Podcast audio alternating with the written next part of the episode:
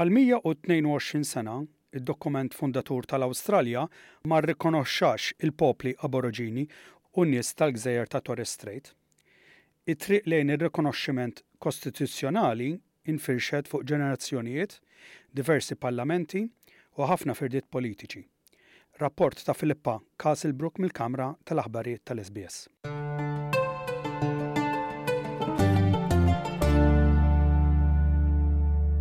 Il-popli Aboroġini u n-nies mill-gżejjer tat-Torres Strait dejjem irsistew għal rikonoxximent kostituzzjonali fl-Awstralja.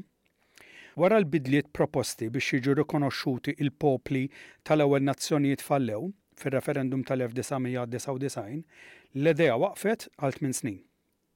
Fl-2007, dak iż-żmien il-Prim Ministru John Howard għamilha parti mill-kampanja elettorali tiegħu biex jiġi elett għal ħames darba konsegwitiva. If I am re-elected, I will put to the Australian people within 18 months a referendum to formally recognise Indigenous Australians in our Constitution. Imma kien il-Partit tal-Labour ta' Kevin Rudd li rebaħ l-elezzjoni. Hu għamel did-dekjarazzjoni storika wara sena. For the pain, suffering and hurt of these stolen generations, their descendants and for their families left behind, we say sorry.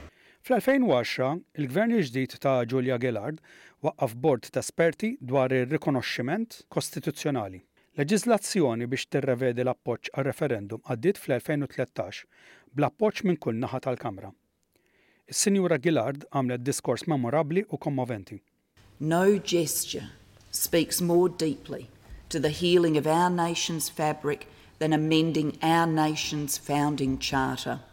So I commend this bill to the House. Iżda xorta waħda ma sar l-ebda referendum. Il-laqgħa bilaterali mal-mexxejja indiġeni fl-2015 għal darb'oħra rriżultat f'wegħda għal riforma kostituzzjonali Din id-darba, il-kliem ġej mill-Prim Ministru ta' dak iż-żmien Tony Abbott.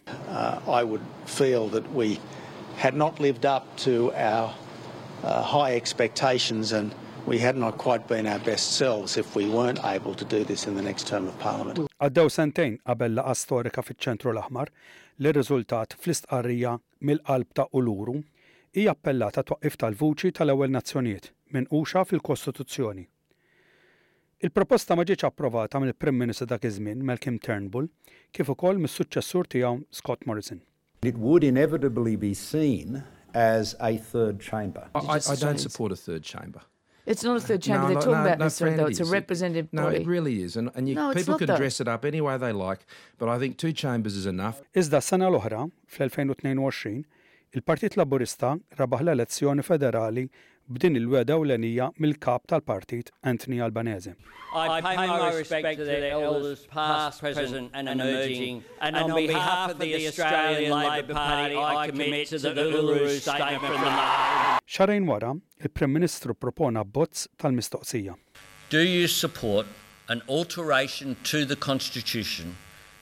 that establishes an Aboriginal and Torres Strait Islander voice.